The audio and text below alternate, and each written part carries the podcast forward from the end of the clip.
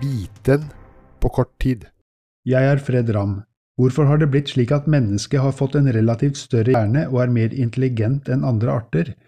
Professor Malcolm McIver viser at det har med vann versus land å gjøre, og i tillegg at landskapet var savannepreget med blanding av åpent landskap, vegetasjon og åser.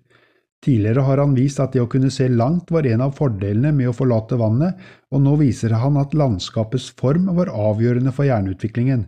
Savannen gjorde det å planlegge, både for selv å ikke bli et bytte, men også for å kunne fange et bytte, er optimalisert i et variert landskap, til forskjell fra både hav og tett jungel. Når mennesker skilte lag med sjimpansene, fikk mennesket en firedobling av hjernen, noe som ikke skjedde hos sjimpansene. Forskjellen var at mennesket beveget seg ut på savannen, mens sjimpansene ble igjen. Muligheten for å se langt, samt muligheten for å virkelig planlegge, er den store forskjellen.